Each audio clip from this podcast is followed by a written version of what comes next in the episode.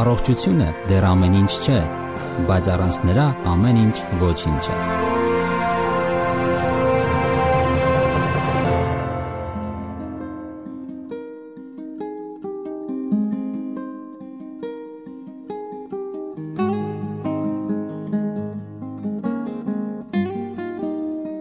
Բարև ձեզ սիրելի ռադիո լսողներ։ Եթերում առողջ ապրելակերպ հաղորդաշարն է։ Երաժշտությունը Աստվածային ապարքև է։ Այն տրված է վեհացնելու եւ երկինքներին հասցնելու մարդկային հոգին։ Երաժշտության միջոցով մարդը դրսևորում է իր ամենանուրբ եւ խոր զգացումները։ Հոգեբանության մեջ այսպիսի արտահայտություն գոյություն ունի լսողական ուղի, որն անվանում են նաև արխայական ուղի, որով հնչյունները այնպիսի իշխանություն ունեն մարդու վրա, որը համեմատելի է միայն թակավորական իշխանության հետ։ Ձայնային ազդակը կարող է եւ հաճելի լինել մարդու համար, եւ նույնիսկ անտանելի։ Օրինակ դռների ճռռոցը կամ ապակուն քսվող ավազի ձայնը, անցնելով լսողական ուղիների միջով, շատ տհաճ զգացումներ է առաջացնում։ Իսկ երբ մենք լսում ենք փողային նվագախմբի ձայնը, որը զինվորական քայլերք է նվագում, մեր մեջ տակտին համահունչ քայլելու ցանկություն է առաջանում։ Այդ ձայների լսողական ուղին անցնում է ինչպես այն կենտրոնի մոտով, որը կառավարում է ձեռքերի եւ ոտքերի շարժումները, այնպես էլ սիրտանոթային համակարգի գործունեության կենտրոնի կողքով, ապա խթանում է դրական հույզերի կենտրոնը, հոգեկան վերելք է առաջացնում։ Մարդը սկսում է ճպտալ եւ այս ուղին կարող է ավարտվել բավականության կենտրոնում։ Իսկ հա միանգամայն այլ է թաղման երաժշտության ուղին։ Նա գրգռում է սրտի գործունեության կենտրոնը, ազդում է ուղեղի այն բջիջների վրա, որոնք պատասխանատու են արցունքի արտադրության համար, եւ մարդը կարող է լաց լինել, ցավ զգալ սրտում։ Առանձնահատուկ է դասական երաժշտության ուղին Ստեղծագործությունների մեծամասնությունը գրված են սրտի ռիթմին համապատասխան 60-ից 70 զարկ 1 րոպեում եւ այդ պատճառով էլ բարերար են ազդում մարմնի հիմնական գործընթացների վրա։ Որոշ ստեղծագործություններ, երաժշտական հատվածներ, թափանցելով ուղեղ հանգստացնում են գրգռված նյարդային կենտրոնները, վերացնում են անհանգստությունը, ցավը, հանում են սթրեսը, բարելավում փոխանակման գործընթացները։ Այսպիսի բարերար ազդեցություն ունեն Բախի, Բեթհովենի, Մոցարտի հոգևոր երաժշտությունը։ Թեպետ ասենք, որ ոչ բոլոր դասական ստեղծագործություններն են, որ ունեն դրական ազդեցություն։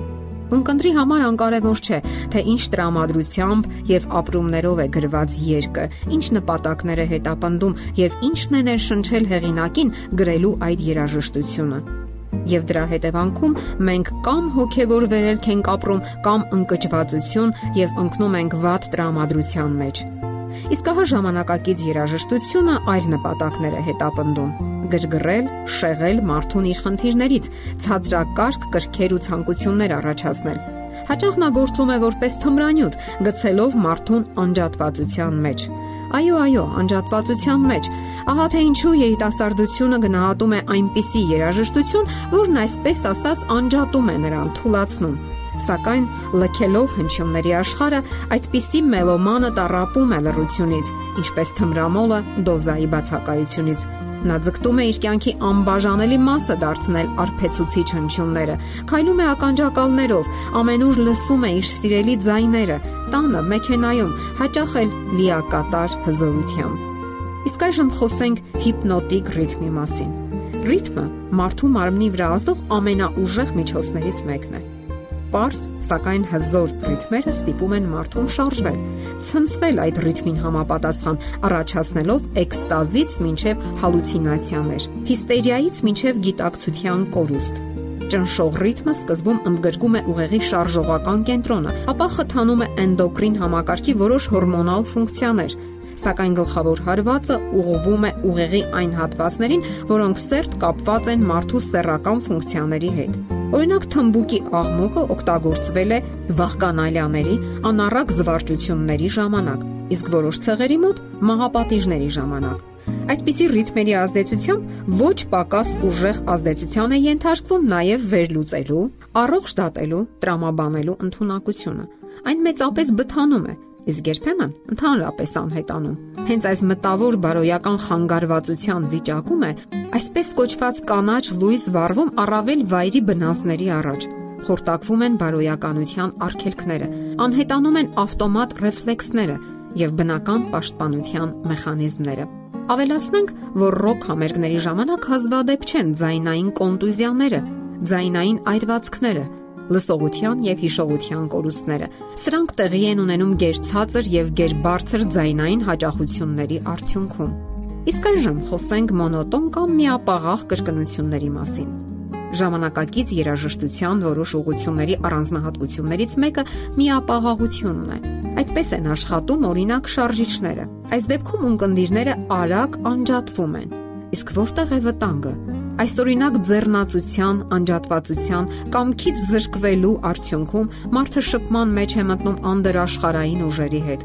Անպաշտպան լսարանը չի էլ կասկածում, որ այդ անջատված ժամանակ տեղի է ունենում կոպիտ ներխուժում իր սրբության սրբոցը գիտակցության եւ գենթագիտակցության մեջ։ Գենթագիտակցության միջոցով տեղեկատվությունը հաղորդվում է գիտակցական եսին, հաճախ ոչնչացնելով անznավորության բոլոր արգելքները։ Իսկ երաժշտության եւ տեքստի միջոցով մարդուն են փոխանցվում երաժշտի տրամադրությունը, բարոյական եւ անբարոյական արժեքները։ Այդպիսի ներխուժման արդյունք կարող են լինել առանց պատճառի ագրեսիան, ինքնասպանության մասին մտքերը եւ այլն։ Ասենք, որ նշանակություն ունի նաև ձայնի բարձրությունը։ Շատ բարձր ձայնի դեպքում արտադրվում է ավելի մեծ քանակի ադրենալին, քան հարկավոր է մարմնին ավելցուկը վերափոխվում է նոր նյութի՝